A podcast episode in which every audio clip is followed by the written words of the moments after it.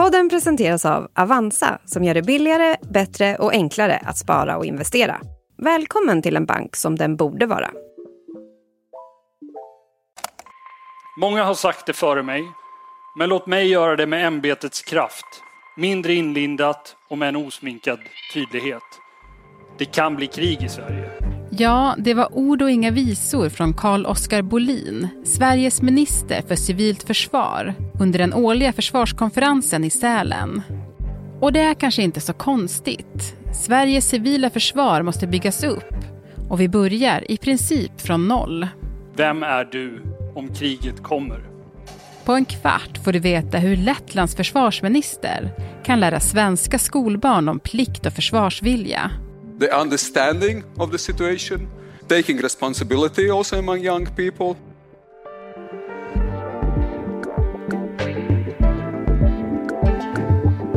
Det är den 9 januari. Det här är Dagens Story från Svenska Dagbladet med mig, Alexandra Karlsson. Gäst idag, Therese Larsson Hultin, utrikesanalytiker på SvD.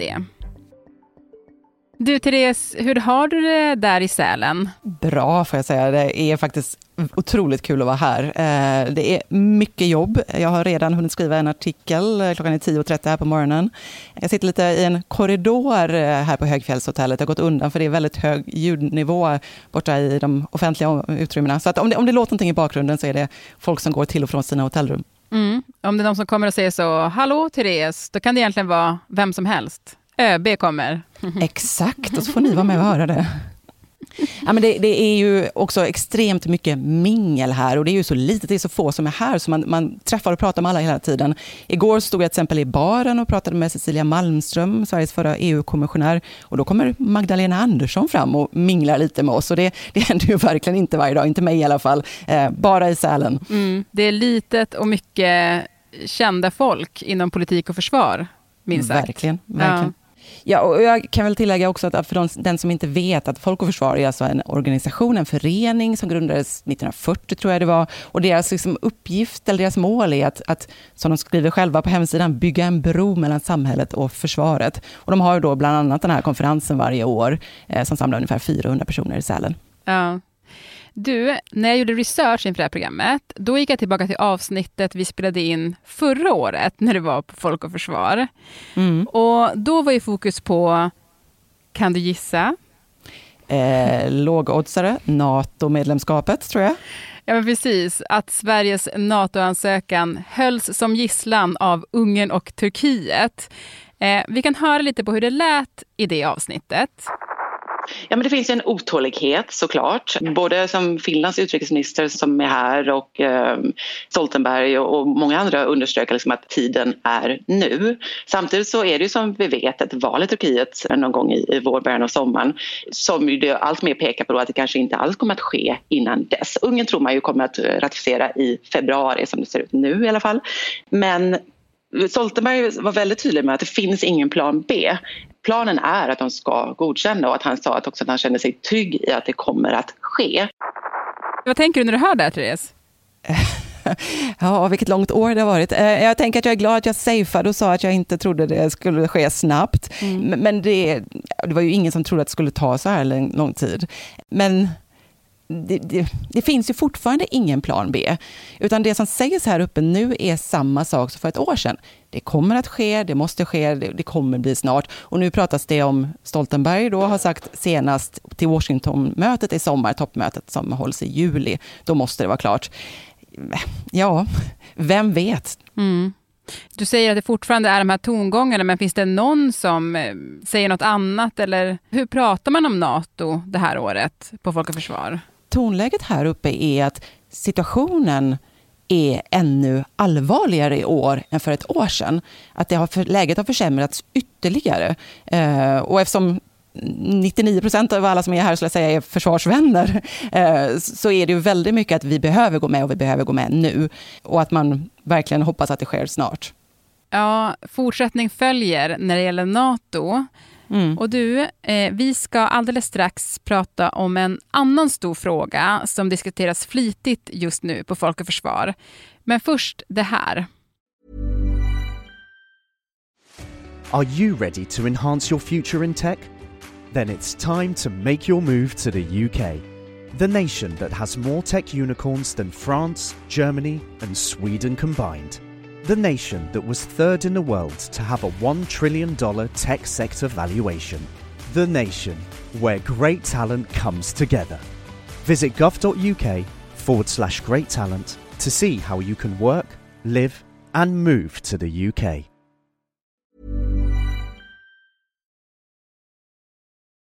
En annan viktig fråga som har varit i fokus i Sälen, det handlar ju om vårt civila försvar och hur vi ska bygga upp det för att klara oss om det blir krig här. Först, eh, Therese, alltså vad menar man med det civila försvaret? Alltså man pratar ju om totalförsvaret. Det är det militära försvaret, alltså försvarsmakten, soldater och vapen. Och sen så är det det civila försvaret, vilket är allt annat, alltså hela samhället. Det är du och jag, Alexandra, att vi vet vad vi ska göra, att vi klarar oss när det blir krig. Det är att kommunerna ser till att vattnet fungerar, med att näringslivet är med och vet vad de ska göra. Alltså att det finns tillräckligt med sjukplatser, liksom sjukhusen och så vidare. Det är liksom allt det här andra, det som Ukraina har varit så bra på, att det finns en försvarsvilja som genomsyrar hela samhället och som gör att vi blir svårare att besegra. Liksom, det är det som är det civila försvaret. Mm.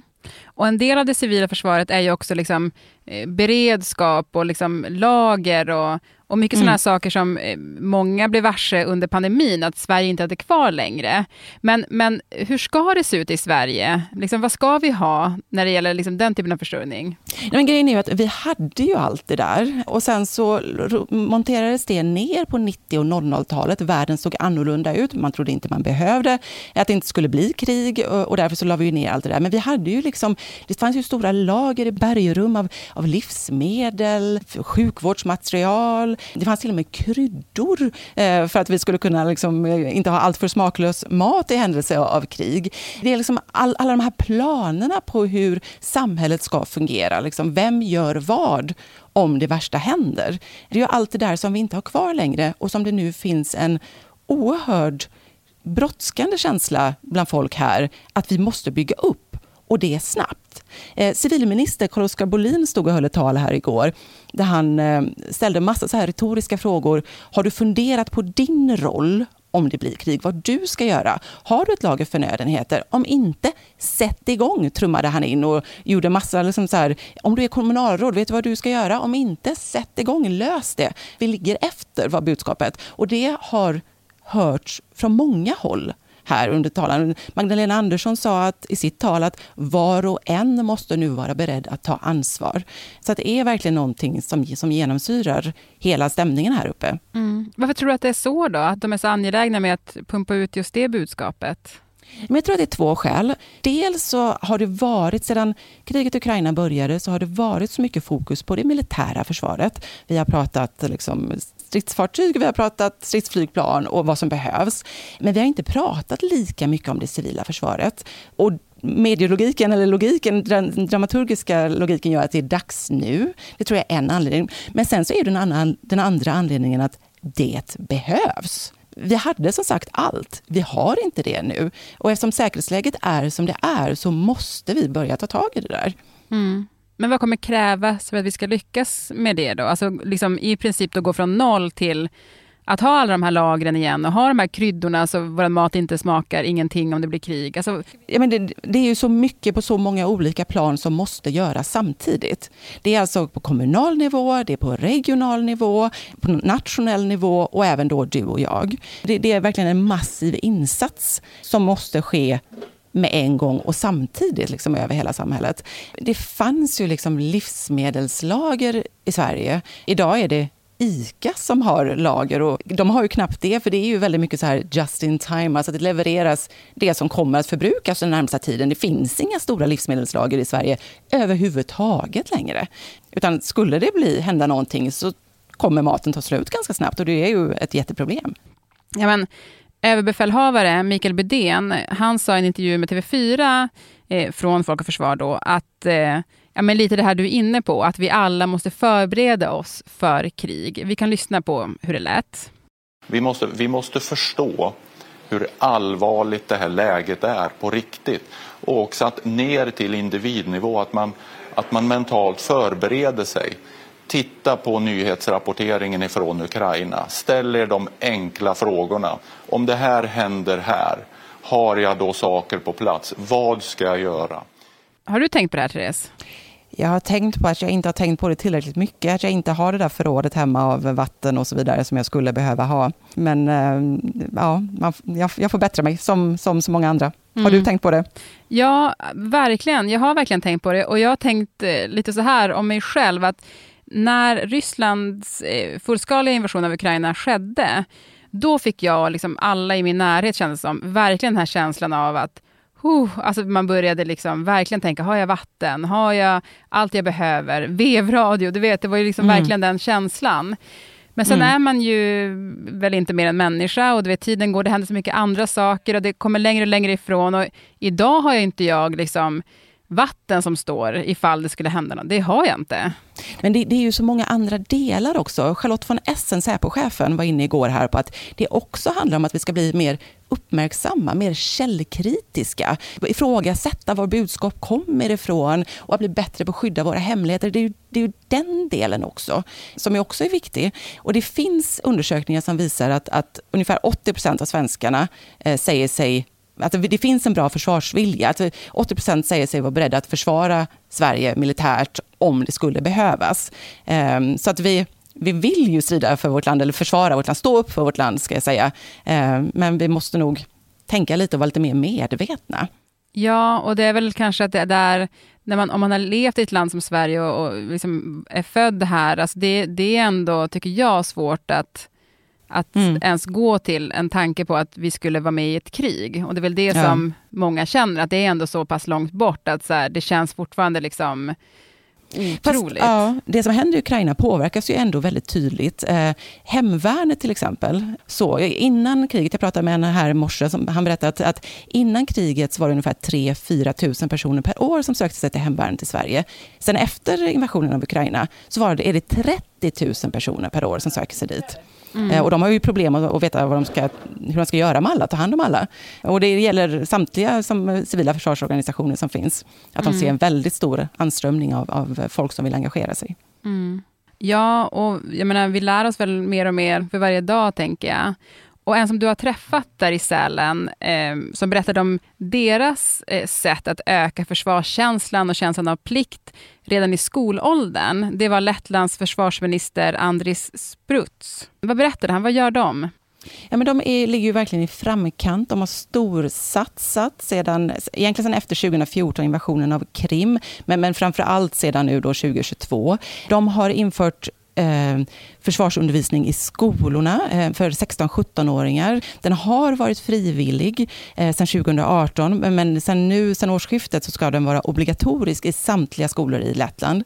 Under två års tid så ska 16-17-åringar träffas vid 14 tillfällen, heldagar, där de får liksom lära sig enkel vapenkunskap, de får utbildas i demokratifrågor, patriotism och också så här, tvingas tänka tanken, vad gör jag om det blir krig? krig. De har även utbildningar frivilliga för 10 15-åringar eh, som arrangeras av försvarsministeriet. Eh, varje år i september så är hela Lettland har en totalförsvarsövning. Hela samhället nästan. Eh, det är näringsliv, det är frivilliga organisationer, kommuner, gränspolis, militär eh, som under då hela september månad stresstestar samhället så att allting fungerar. Så det är otroligt fokus verkligen på att genomsyra hela samhället och att alla ska veta vad de ska göra om det blir krig. Mm. Vi får väl se om de svenska regeringsföreträdarna som var där tar inspiration. Civilministern berättade att det finns redan ett regeringsbeslut att från och med nästa år så ska man ha NATO-kunskap och jag tror det var försvarskunskap i eh, gymnasieskolorna. Det vill säga vi kommer från och med 2025 ha detta i läroplanen för gymnasiet, kunskap om NATO och totalförsvarskunskap. Vi har samtidigt också tillsatt en utredning för att se över möjligheten att ta in detta även i grundskolans eh, läroplan. Så att det finns tankar, men det är ju inte alls lika omfattande som det som, som, är, som är i Lettland. Mm. Du, till sist Therese, alltså vad tar du särskilt med dig från Sälen det här året, nu när du snart åker hem? Ja, men det är väl den här känslan av att det är brådskande. Eh, och att det faktiskt är lite obehagligt att höra alla dessa människor som har det här som yrke och som sysslar med de här frågorna hela dagarna, att säga att läget är så allvarligt. Det mm. känns lite tungt att höra faktiskt. Ja, det blir, det blir ut på en liten deppig not den här gången. Ja, men jag kan säga att det snart är dags att mingla igen och det är trevligt. ja. Nej, se, där fick jag dig att skratta. Ja, det är bra. Jo, men det gäller ju också att se ljuspunkterna i tillvaron när det är så här. Så att det, jag tycker vi slutar med det där skrattet. Mm, vi gör det. Du, tack så jättemycket, Therese. Tack själv.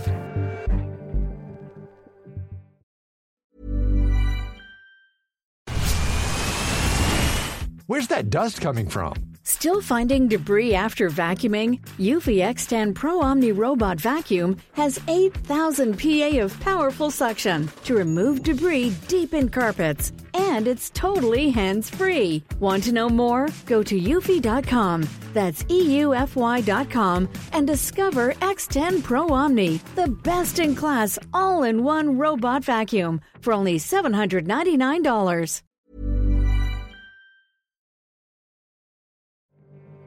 Och dagens program producerades av Moa Larsson, redaktör Vastina Fischer.